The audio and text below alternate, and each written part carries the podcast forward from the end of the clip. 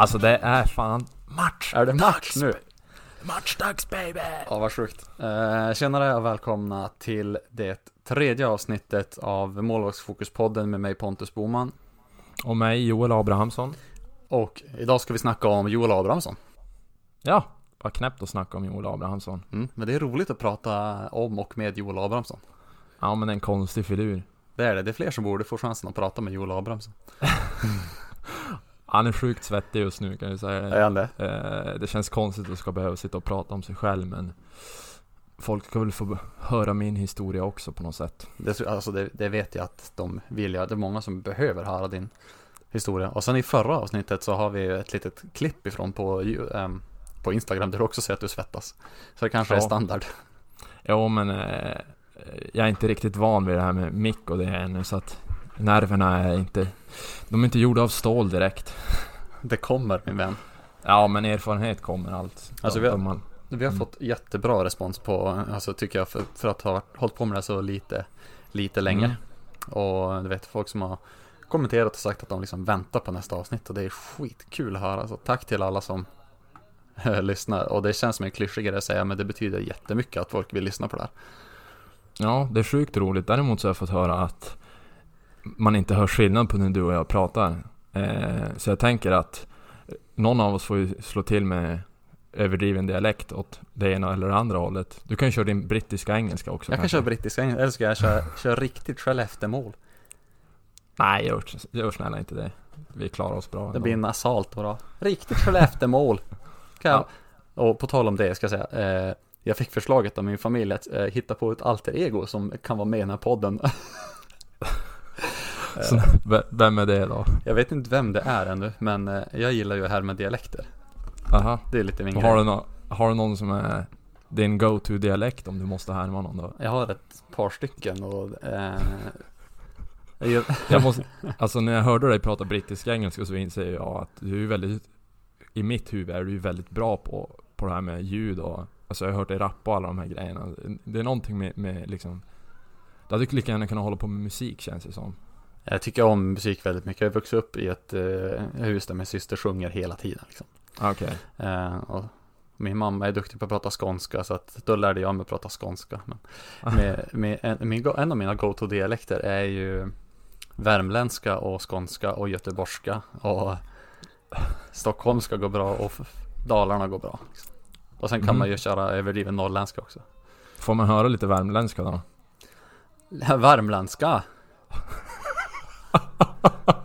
Ja Alltså jag funderar på om vi skulle köra en karaktär från eh, Värmland Som kan vara med och intervjua.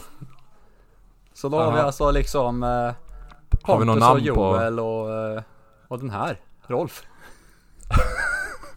Ja det kändes som, jag tyckte det kändes som en klass eller något sånt där. Ja, Ja, kanske det. Ja, ja riktigt Liksom gubbig bybo.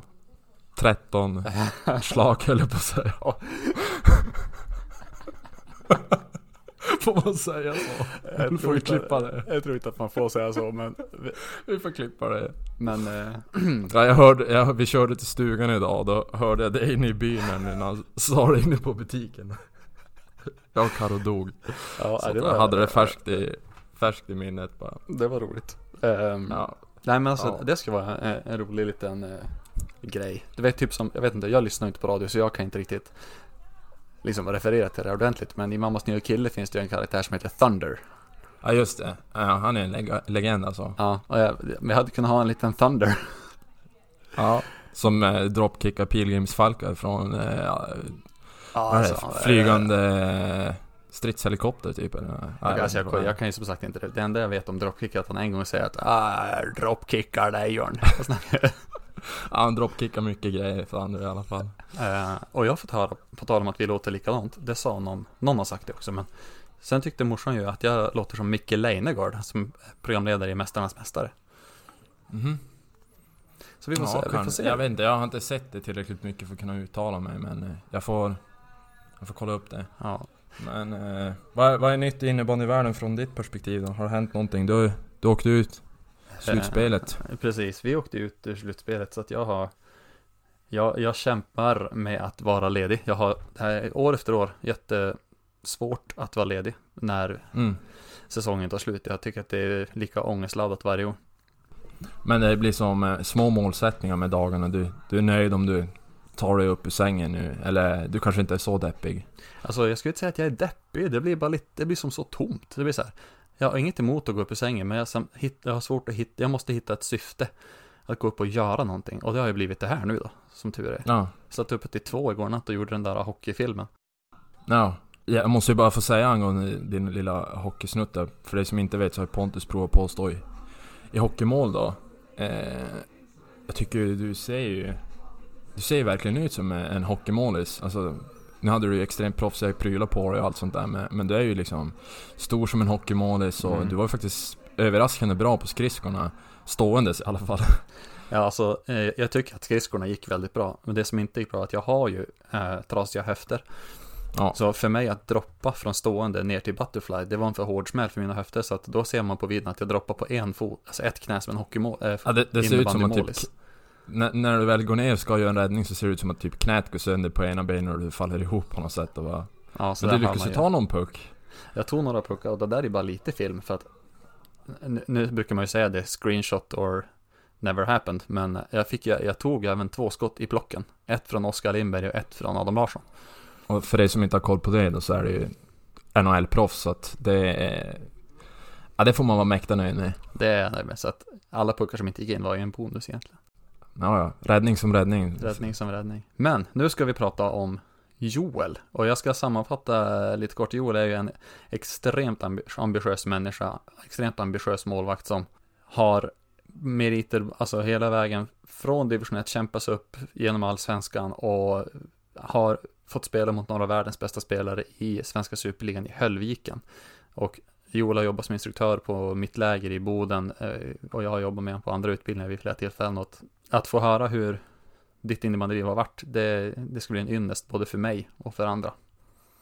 Ja, ja, det är kul att höra. Det känns konstigt att höra dig säga så. Jag vill bara passa på att rätta dig och säga att mina innebandyerfarenheter går nog till och med hela vägen från division 3 Norrbotten upp till, till SSL. Så har en serieseger i division 2 också så att den, den sätter jag högst upp på listan av allt jag har åstadkommit. Och sen är det så här att division 3 Norrbotten är inte samma sak som division 3 Västra Götaland. Nej, nej det är... Jag vet inte vad jag ska kalla det för. Den svänger bandy. Jag vet vad jag kan kalla det, klasskillnad. Ja, ja men det är det verkligen. Division 2 i, nere i södra Sverige ser ändå ut som innebandy. Kommer du hit upp och ska kolla en division 2-match så... Ja, det, det är svängigt. Jag vet inte, jag tror jag har fått som mest typ 50 skott på mål under en match och det är helt unikt. Alltså mottaget på en kasse. Och då har det andra laget säkert haft 30, 40. Och det är inte ovanligt att skottstatistiken kommer upp mot 30-40 ish. Upp i Norrbotten. Så det är riktigt svängigt. Men det är roligt att stå i mål då. Ja, det är för mycket att jobba på. Ja. Nej men eh, vi, vi kan väl prata om, om mig. Ska vi börja bara en kort presentation om, om vem jag är idag och Jajamän. vem jag är utanför innebandybanan. Jag är då 27 år gammal. Född och uppväxt här uppe i norra, norr, Norrland höll jag på att säga. Uppe i Sverige, i Luleå. Bor här med min sambo. Eh, samma sambo sen, vad är det, nio år tillbaks. Carolina heter hon. Eh, ja, hon hälsar här i bakgrunden. Hon ligger och slöar i soffan och kollar film här så att Får hoppas att TVn inte stör för mycket. Sen eh, kommer jag från en stor familj. Jag har fem syskon och jag är högsta hönset av allihopa. Så att snor ju veckopeng från de minsta fortfarande för Jag, jag, jag gillar bekosta- att, eh, att du har en syskonskara, så där du ser det här som högsta hönset, det är liksom en tydlig totempål i eran Ja, syskonskara. Och ja, jag sätter hög press på de andra som, som idrottar också liksom. Jag tog mig ändå till, till SSL i innebandyn. Nog för att min 14-åriga syster som spelar fotboll ser, ser det som en... Ja, jag vet inte om hon ser det som en bedrift riktigt. Som, som spelar fotboll. Hon ser ner på innebandyn lite kanske. Jag vet inte. Det är nog lite vanligare att man gör det norröver. Ja, men det är lite med glimten i ögat också. Hoppas det. Men eh, ja, familj och sambo betyder extremt mycket för mig och det... Jag vill därför jag trivs att vara här uppe också så att... Vi ko- återkommer väl till mer om det sen kanske. Absolut. Men... Eh, ja, var började vi någonstans? Jag började när jag var liten, spela mycket fotboll. Hade väl drömmar om att Spelar i Premier League som alla andra små grabbar och tjejer kanske. Var väl helt okej på fotboll men... Eh, höll på med det. Vad kan jag spela? Jag spelade ändå eh, sena tonåren där. Eh. Provade på basket där ett litet tag. Men eh, det var inte riktigt min grej så jag la ner det ganska snabbt. Sen eh, som av en slump så halkade jag in på innebandyplanen eh, där som, vad kan jag ha varit, 14 kanske? Det var en polare på den tiden som drog med mig till hans träning och sa att vi behöver en keeper och jag stod alltid i mål när vi lirade mycket landhockey och sånt där så att det var som bara haka på tåget och hoppa in i kassen och... Eh, för flika in en grej där. Som Mm. från tiden jag ser fotboll som det här med att de flesta kidsen vill spela Premier League och köra fotboll och så här. Du sa ju det tidigare att det ska bli kul för att höra om ditt innebandyliv som är ett vanligt, till skillnad från mitt som hade kanot och bågskytte och capoeira. Ja men precis. Jag menar kan det bli mer normalt? Så Drömma om Premier League och, och avgöra Champions League eller något sånt där? Och den fanns aldrig hos mig Premier League. Nej, ja, men det, det var fotbollsproffs som var grejen då. Hockey var jag extremt intresserad av men eh, ja, jag hade inte riktigt råd att sätta in mig i något hockeylag och sådär så det, och ja, jag var väl inte jätteintresserad av att lära mig åka skridskor heller egentligen om jag ska vara helt ärlig så Det vart som aldrig riktigt hockey men Jarmo Myllys var ju den största idolen av alla. Som var dåvarande målvakt i Luleå Hockey. Eh, och det var väl därför det vart innebandymålet för mig sen också. Jag har alltid varit fascinerad av målvakter på något sätt. Och vad hände när du for på första träningen där då? Var du fast på en träning som jag var eller? Ja, alltså jag får ju dit och hade hur roligt som helst. Eh, spelade i Hertsö IBF var det då. Ett litet eh, kvartersgäng bara ute i en förort här i Luleå. Jättehärliga grabbar och vi hade extremt roligt. Så jag fick chansen att stå bara typ två veckor senare i min första match i ett sammandrag som jag hade.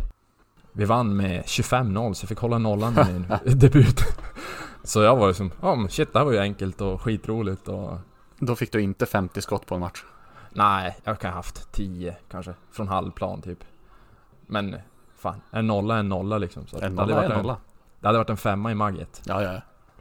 Nej men så att jag hade jätteroligt och körde som bara på utan att tänka på det egentligen. Spelade DM och vi lyckades vinna DM-guld där. Vi vann ganska mycket där med Hertsön så att det var egentligen aldrig någon fråga om eh, eh, något annat än att jag skulle fortsätta utan det var bara att köra på. Jag hade jätteroligt. Och eh, ja, sen var jag som fast i det. Jag la ner fotbollen kort därefter och bara körde innebandy på heltid egentligen. Sen började jag som upptäcka längs med vägen att eh, jag inte hade sådär jättebra självförtroende egentligen. Det var kanske andra säsongen jag började spela som eh, jag hade så fick enormt höga förväntningar på mig själv när jag bara liksom kunde börja gråta på uppvärmningen för att jag hade släppt in skott och ja, det var liksom helt löjligt egentligen. Kom- Varför kom- fick du höga förväntningar på dig själv? Alltså hade du det när du körde fotboll med grabbarna, när du körde land- landhockey Nej, och nej jag, vet, jag vet faktiskt inte var det kom ifrån. Det var väl bara... Det gick som ganska bra för mig när jag började spela så att det, jag, jag varit som att jag bara förväntade mig att... Eller jag fick som för mig att folk förväntade sig att jag skulle vara skitbra i målet hela tiden. Och då var det som att jag tillät mig inte alls att släppa in mål. Även om det var på uppvärmningen, på träning, bara med grabbarna liksom. Så att eh, jag kunde ju vara helt knäckt redan på en uppvärmning och det fortsatte som, det eskalerade bara mer och mer med åren och eh, även på matcher så satt jag och hade problem liksom eh, Enormt rädd inför match och att shit, folk kommer upptäcka att eh, du inte är så bra eller Kunde ha gjort en jättebra första period. Och sen sitter jag bara i periodpausen och sitter och snackar om, har den här onda rösten i huvudet om att Det är bara en tidsfråga innan du silar en boll, en jävla sopa. Eh, Då kommer alla upptäcka hur kass du är. Så Alltså bara, det här, det här ska bli så, nu förlåt att jag avbryter mitt i Ja nej, här, nej men det, gör gärna det Jag gjorde en överslagsräkning eh, för ett tag sedan på hur många individuella målvakter som jag tror att jag har träffat eh, och tränat över åren.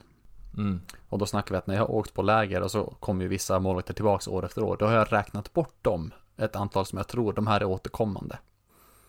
Det är över 1000 målvakter som jag har träffat under den här tiden. Du ska veta hur många som beskriver just det här. Och jag har liksom, okej, jag hade också lite, jag har gråtit på en parkering en gång. Och lite så här. Men jag, ja, det, det här ska bli, det ska bli intressant att få, jag kommer avbryta flera gånger med frågor. Ja för men tycker det här är så jag- intressant jag ämne. det.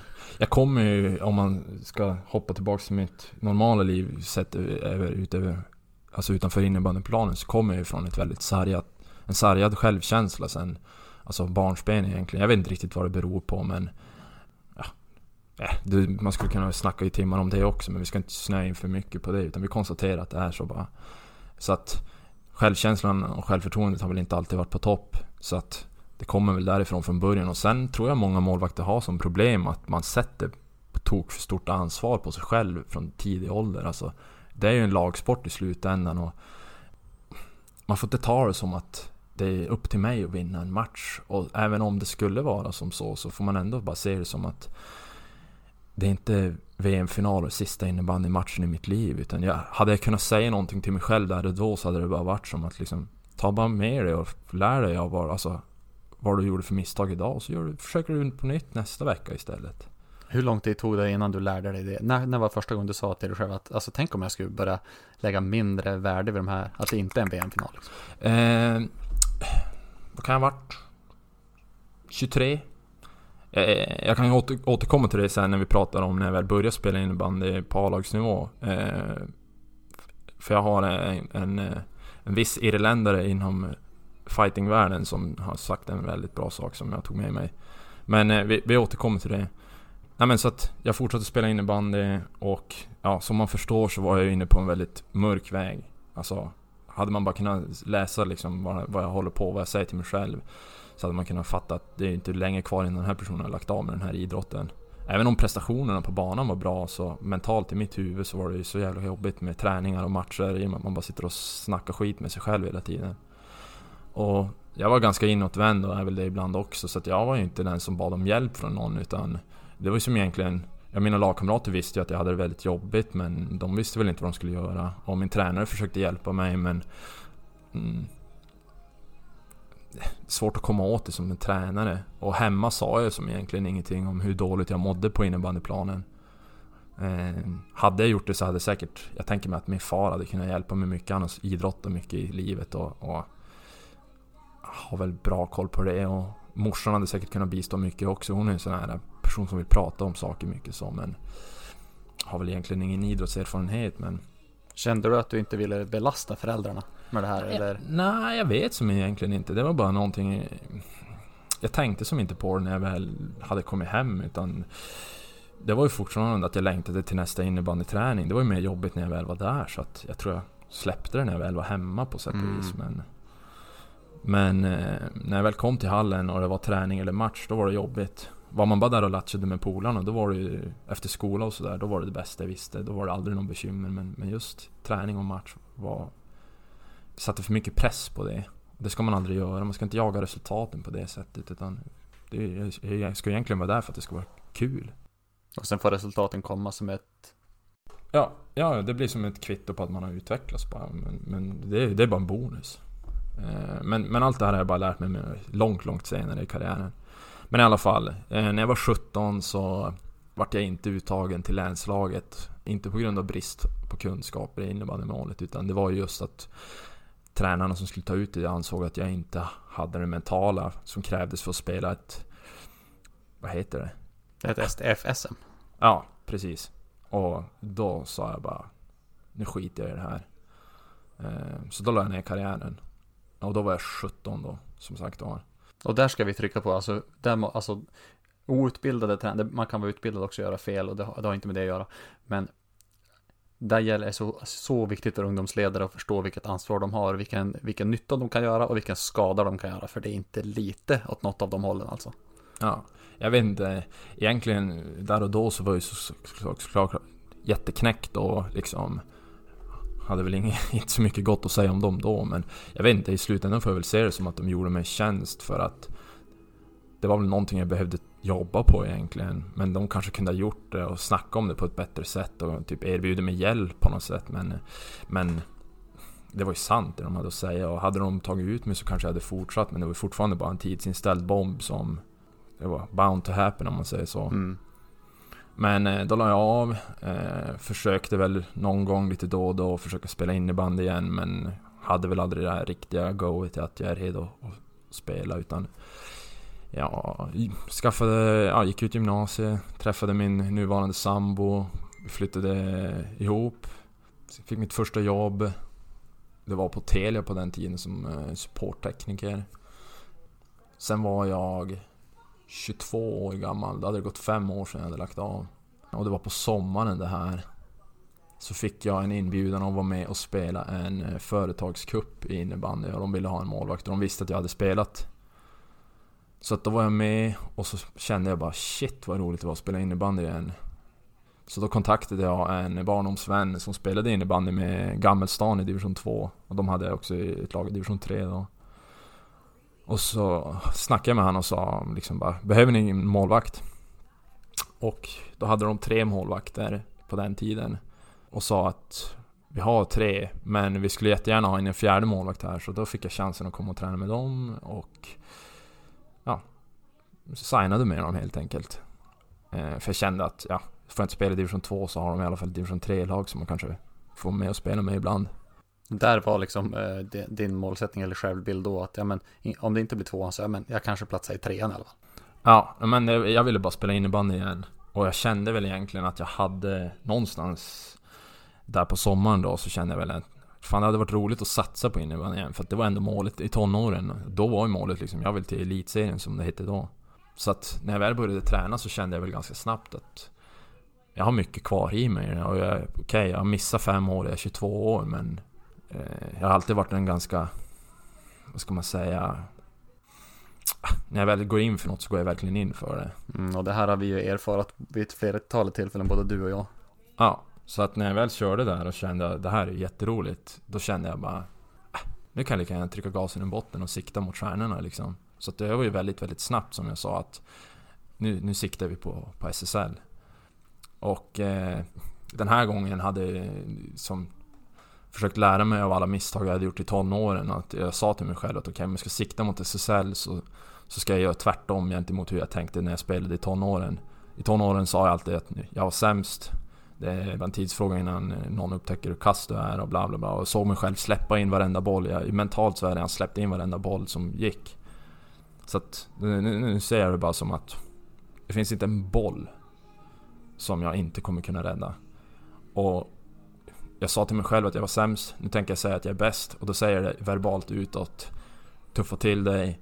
Eh, kör Jarmo Myllys attityden. Kan inte jag rädda den här bollen så fanns det ingen i världen som kan rädda den jag behövde ju förändra någonting. För att skulle jag gå in i gamet igen och vara samma, ska man kalla det veka attityd igen så då kommer jag ju bara såga sönder mig själv igen och, och ha dödat karriären innan den ens har börjat igen.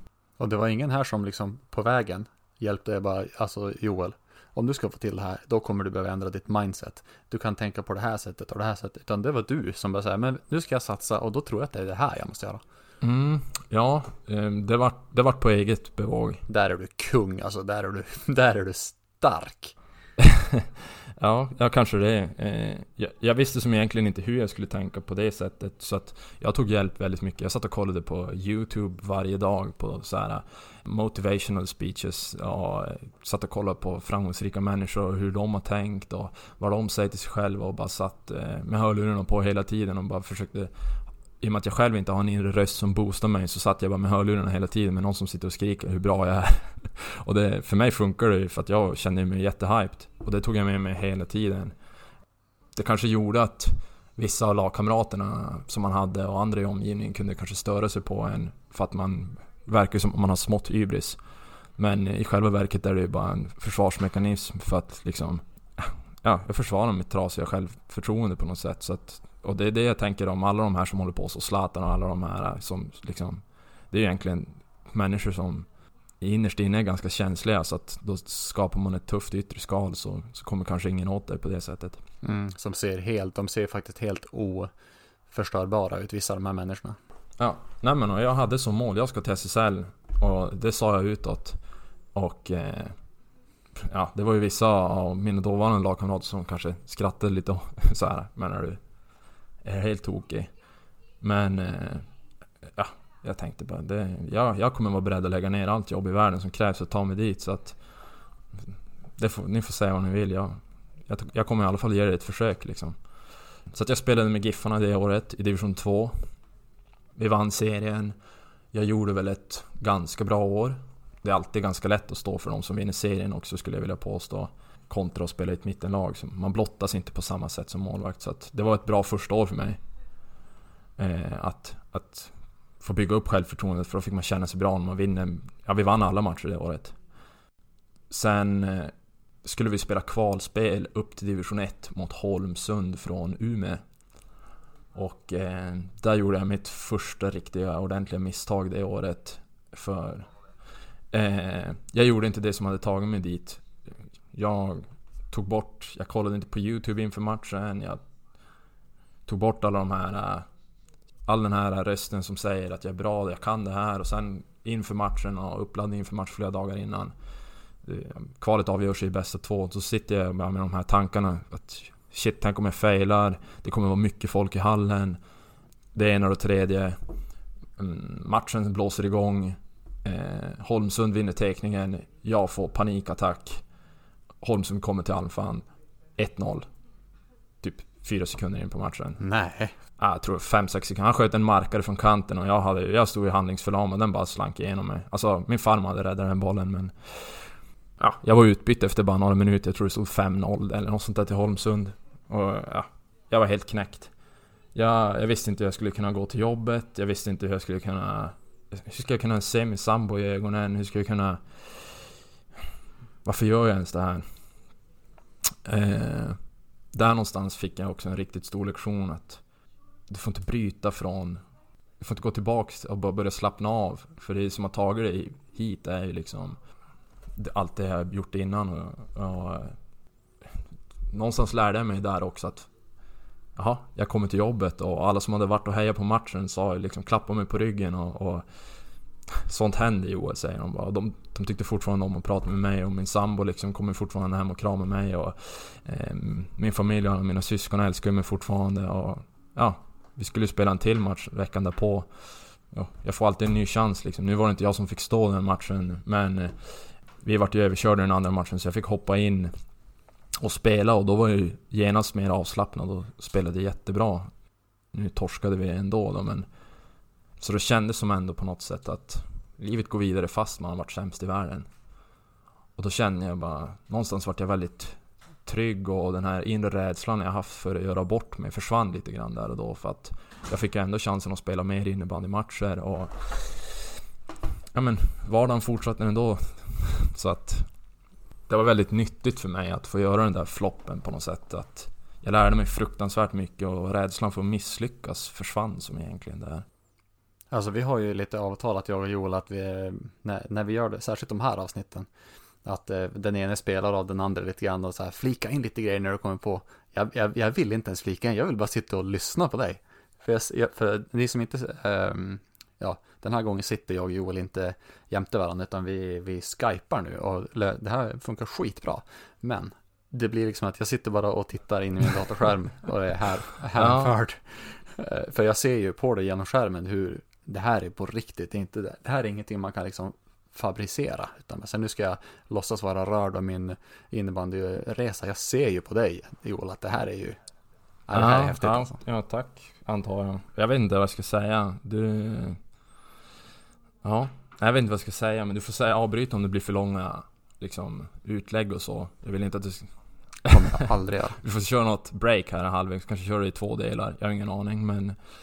Eh, ja, där någonstans kom jag i kontakt med dig också i alla fall. Först där runt det där kvalet. Eh, och det pratade vi lite grann om i det förra avsnittet om. Ja, jag, vet- målet var ju SSL men... Eh, jag visste inte riktigt hur jag skulle träna för att ta mig dit och sånt. Jag var ju som bara där på innebandyträningarna sen innan. Alltså först, i, under den där första säsongen. Och körde på liksom. Men eh, sen efter jag hade träffat dig och varit på din goalie camp, då, då var verkligen ett Aha! Shit, det är så här jag ska träna för att ta mig till SSL. För jag kände verkligen att kan jag nöta på det här så kommer jag ta mig dit. Och det trodde jag verkligen stenhårt på. Jag vet inte hur mycket vi ska snöa in oss i hur vi tränar och så. Och vad vi gjorde där på goalie campen men det kändes i alla fall som att nu fanns det en väg utstakad. Och motivationen fanns och viljan fanns. Och allt var som där för att få det att funka. Eh, och den där lektionen jag fick med mig från det där fiaskot i kvalet. Den hade som stärkt mig verkligen att Någonstans fanns som tron i mig att okej men det spelar ingen roll hur många gånger jag misslyckas. Jag reser mig bara upp en gång till och försöker ännu en gång. Och tränar, tränar mer och, och liksom vågar träna på det som gick fel. Du var ju, du var ju deltagare två gånger på, på det lägret och andra gången så apropå ingenting tror jag, eller vi pratade om någonting och då sa du så här jag, jag, jag är övertygad om att jag, jag är, jag är, jag är Ja. bäst. Och och jag, då sa jag, ja, här inne eller? Överlag. Jag tror att jag är bäst. Ja, men det, det, Jag, tror- jag tror att jag är den bästa målvakten. Alltså jag skulle kunna, jag, jag skulle kunna gå in i Superligan och vara bästa Ja. målvakten. Och du såg helt stone ja, ut. det är ju, Och jag visste inte hur jag skulle ta det. Jag bara, ja, det, och det var ju, för den som inte förstår det, så var jag ju så långt ifrån bäst så det finns inte. Men du var bra. Du var väldigt, väldigt, väldigt bra. Väldigt bra. Jo, jo, men alltså Ja, jag var ju långt ifrån, jag var ju, jag, hade, jag var inte ens Kommande året därpå så spelade du då division 1 med IBK Luleå Jag var inte ens bäst i den serien så att Ja, men någonstans så, så var det bara Det ingick i det här nya mindsetet som jag hade om att Från och med nu ska jag bara köra på det Och den största personen som jag hämtade inspiration från Det var ju Conor McGregor då Den här galna irländaren i UFC för han kom verkligen från den här tron om att liksom Jag kan klara vad som helst och jag kommer vara beredd att offra mitt liv för att ta mig dit. Och han snackade väldigt mycket om det här som jag pratade om att antingen så vinner man eller så lär man sig. Och det är därifrån jag alltid har jobbat. Men det här upptäckte ju jag då som 23-åring liksom. Jag önskar ju att jag hade upptäckt det som 15-åring men Bättre sent än aldrig va Det är ju inte säkert att om du hade ehm, lärt dig det då, Nej, det är inte säger säkert att det blivit bra ändå men Nej, för du behövde, eller ja, okej, man behöver inte få en krasch för att livet ska funka, men på något sätt så var det en viktig lärdom du behövde få. Och det kanske är som du sa, när jag sa att, när jag var lite hård mot tränarna Mm. för en stund sedan. Att du behövde lite den där äh, knäppen på Ja, näsan. ja, men, och det ser jag väl egentligen om man tittar tillbaks på vad man har åstadkommit än så länge så är det ändå alltid efter varje tung period som man har lärt sig som mest. Alltså varje gång man går igenom någonting riktigt, riktigt tungt och klarar av att titta tillbaks på den tiden med, med liksom med öppna ögon så, så har man alltid fått de största lektionerna därifrån. I alla fall i mitt vuxna liv skulle jag påstå att, att det är en sanning. Men eh, ja, jag vet inte riktigt vad jag ska säga. Och, hur, äh, och, och sä, säg att du hade fått den hårda läxan när du var 15. Ja, ja det kan... Eller nej, förlåt, jag ska formulera om det här. Om du hade kommit till den insikten, insikten när du var 15 utan att ha fått den här knäppen på näsan så kanske det hade blivit jättebra. Men vi vet inte hur det hade blivit Nej. i slutändan. Det enda vi vet är hur det var. Ja men precis. Och ja, alltså jag har inte vunnit VM-guld på det sättet så jag är inte världsmästare men, men jag nådde ändå i mål liksom. Jag tog mig ändå till Superligan. Men eh, jag vet inte, det enda man kan göra är bara försöka inse att det kommer alltid en andra chans. Att man får bara resa sig upp igen oavsett om man är 14, 15, 20, 27 eller 30 liksom. Eller vad fan det nu är. Så att det kommer alltid en andra chans. Man får inte ge upp bara för att, för att det går emot. Precis, det kommer en andra chans om du det, det enda sättet som du kan se till att det inte kommer en andra chans är att inte Ja men prova igen. precis. Och vad hände efter goalie-campet då? Ja, om vi tar efter goalie-campet. Ja precis, ja det var ju ett på våren och sen var det ett på hösten där egentligen bara direkt efter sommaren så att, och då eh, För på våren där då tillhörde jag Giffarna fortfarande i division 2 och där var jag efter kvalet Sen under sommaren så Eh, hade jag blivit värvad till, till IBK Luleå då i division 1 Spelade min första säsong som första målis eh, För där i Giffarna delade jag ansvaret med, med en annan målvakt Eh, Joakim Wikström hette han, mycket trevlig kille, duktig målvakt också. Så det var lite tråkigt att lämna han och eh, Alexander Ylipää. som jag också spelade med där i Giffarna. Jag trivdes väldigt bra där eh, med de målvakterna. Det är ju som egentligen de man har som närmsta kollegor på något sätt. Men, men jag kom till IBK och träffade Sebastian Helin som var min dåvarande målvaktskollega. Eh, och han var ju också deltagare på det här goalie campen. Och vi hade ju då, både jag och han blivit helt frälsta av, av det här. Så vi var ju superinsnöade på, på att träna på det här sättet egentligen hela det året. Vilket på sätt och vis hade... det innebar ju för mig att ändra om hela min målvaktsstil på något sätt. Innan det hade jag varit, suttit väldigt långt in i målet och ja, levt egentligen bara på reflexer och jag hade som ingen tankegång med hur jag spelade eller någonting överhuvudtaget.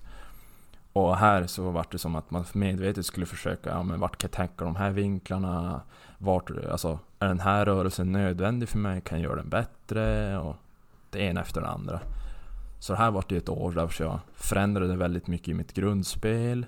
Jag lärde mig väldigt mycket om alltså, hur riktig innebandy ser ut mer och mer. Även om division 1 Norrland fortfarande är långt ifrån vad jag kallar riktig, alltså innebandy på högre nivå om man säger så. Men det var väldigt organiserat. Det fanns vissa jättebra lag där i serien och man vart helt utspelad ibland men Så det här var egentligen ett år vars jag samlade på mig himla himla mycket erfarenhet från lite bättre spel och, och jag någonstans Jag skulle inte påstå att jag varit en prestationsmässigt bättre målvakt under Alltså från start till början på det året men jag varit nog en mycket tryggare målvakt och jag fick som någonstans Sätta Liksom Vem jag vill vara som målvakt på något sätt och sådär eh, Bygga en grund att stå på och Någonstans film, forma en slags hur vill jag träna, hur vill jag lägga upp en säsong och sådär också. Så att på det sättet var den säsongen väldigt nyttig. Det blev alltså, det blev en liten, eh, det blev en, en remodel, en Ja, men det var som grundstenen för vad som, som skulle bli början på min resa egentligen kanske. Eller ja, början. Nu låter det som att det är tio år sedan. Det har gått väldigt fort egentligen bara därifrån. Men vad kan det vara? Det var det fyra år sedan, tre år sedan, fyra år sedan. Ja, alltså tiden går alldeles för fort för att man ska hinna ja, hänga men med. i alla fall. Så jag vet inte, jag har inte så himla mycket att säga om den säsongen på det sättet. Jag tyckte ju såklart jag var chef. Men när man tittar tillbaks på det så, ja men jag var väl en average målis i division 1. Men viljan att utvecklas var ju fortfarande enormt hög. Och efter den säsongen så hamnade jag i kontakt med Vibax Patriots som spelar i allsvenska norra. De är, vad ska man säga, lokaliserade i Piteå då, som ligger fem mil söder om Luleå.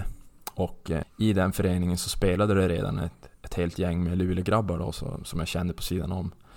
målvakten i det laget, Oskar Öberg, skulle dra iväg till Superligan. Så att de behövde en, en till målvakt. Och då hamnade jag i kontakt med dem och, och gick över till, till Vibax där under sommaren. Vad hände där i Vibax egentligen? Ja, vad hände i Vibax? Alltså jag, jag vill minnas från när vi har pratat om det här utanför podden att det var mycket som hände i Vibax. Vi hade mycket kontakt under tiden i Vibax, bara så, där vi bara Prata om hur du mådde liksom. Det var inte så att vi jag, jag hjälpte ju inte dig utvecklas som målvakt. Jag vet att vi bara, jag fick höra lite om hur du mådde då. Och det var mycket som hände. Ja, det var framförallt mycket som hände i slutet av karriären månemässigt i, Vibax. Eh, och det var efter säsongen som jag hade, alltså egentligen under andra säsongen som skulle, eller som, det som skulle bli andra säsongen. Men eh, i alla fall så kändes det helt otroligt att ha tagit mig till Allsvenskan. Det var det första jag kände som. Och det gav ju bara ännu mer gas i, i tanken på mitt självförtroende om man säger så. Och då kändes det inte så jättelångt bort. Liksom shit, nyss var jag i division 2 och nu är jag allsvenskan. Det är bara ett steg under superligan. Då började det någonstans kännas verkligt den här målsättningen om att ta sig till superligan också. Blev det skrämmande? Nu flikar jag in direkt här. När du kände att oh shit, nu helt plötsligt så är mitt mål inom rimlig räckvidd. Mm, nej, nej det vart inte skrämmande på det sättet. Uh, det vart mer bara... Jag vet inte det. Blev det bränsle ja, på elden? Ja, det skulle jag vilja påstå. Och någonstans kändes det också som att... Nej, jag vet inte. Det kändes verkligen som att mm, det här kan jag verkligen bara klara. Så att jag vet inte, jag, jag, fick under den sommaren fick jag bara enormt mycket mer eh, motivation att, att fortsätta jobba. Eh, däremot så var jag tvungen, när jag väl kom till Vibax så var jag tvungen att lägga om lite grann hur jag tänkte. För att där i, i Vibax var det en målvakt som heter John Stiglund då. Och han är enormt, enormt duktig.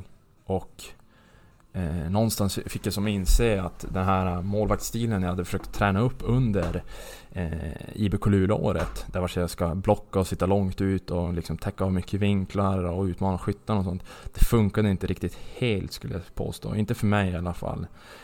Eh, och inte i Allsvenskan för att det gick för fort gentemot vad jag klarade av att leverera. Så att jag fick ju verkligen ställa om min spelstil och lära mig när jag kan vara aggressiv och blockera och när måste jag lita på liksom reflexspel och mitt spelsinne och där lärde jag mig extremt mycket av John för han är ju en målvakt som spelar väldigt mycket på, på känsla och, och liksom timing i vad han gör och, och så.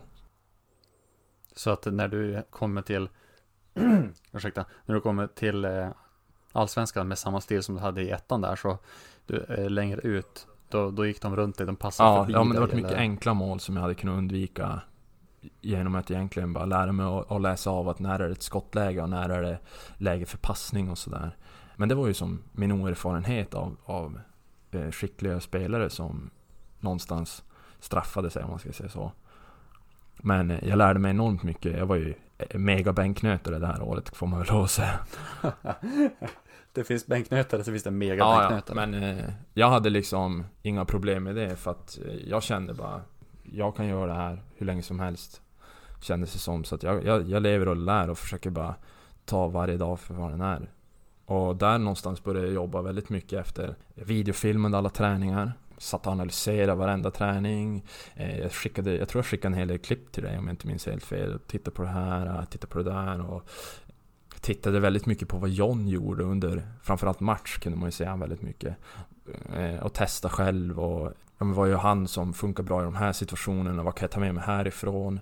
Eh, började jobba väldigt mycket med att göra någon slags träningsdagbok för att klara de här tuffa perioderna man, som man kan få när träningarna blir jobbiga och tråkiga och sådär. Men så att jag delade upp det i under den här månaden vill jag jobba liksom med sidledsmoment i, från det här hörnet upp dit och bara delade upp.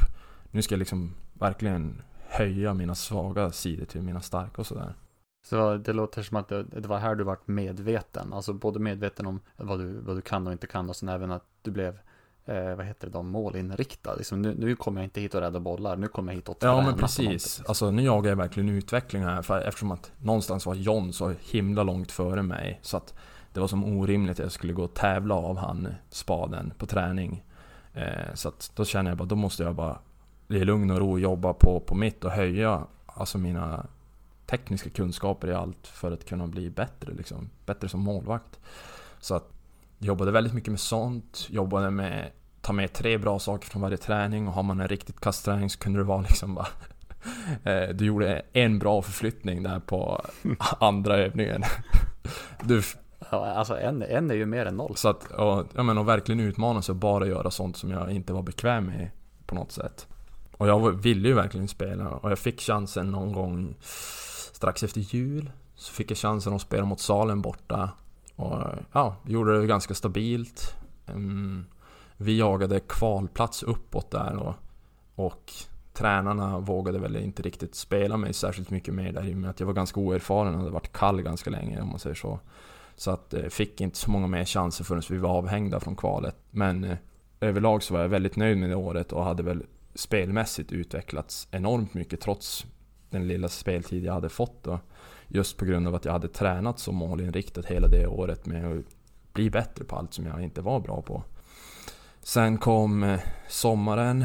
John Stiglund försvann till Superligan. Det var lite oklart vad som skulle hända med Oskar Öberg där, men han kom tillbaks till Pite.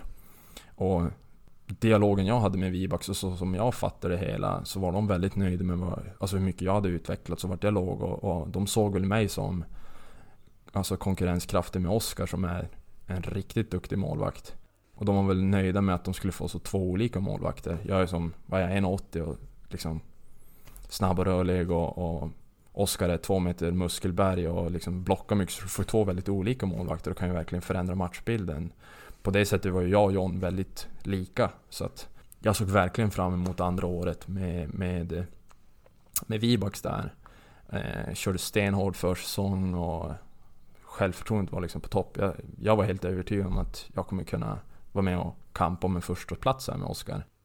Så jag såg väldigt mycket fram emot andra säsongen. Sen eh, fick vi en ny tränare och eh, ja, kände som inga konstiga grejer på gång där utan det som hände var att eh, ja, när lite vad kan det ha varit, i början på försäsongen så ville IBK Luleå låna mig till en match för de hade ingen målvakt.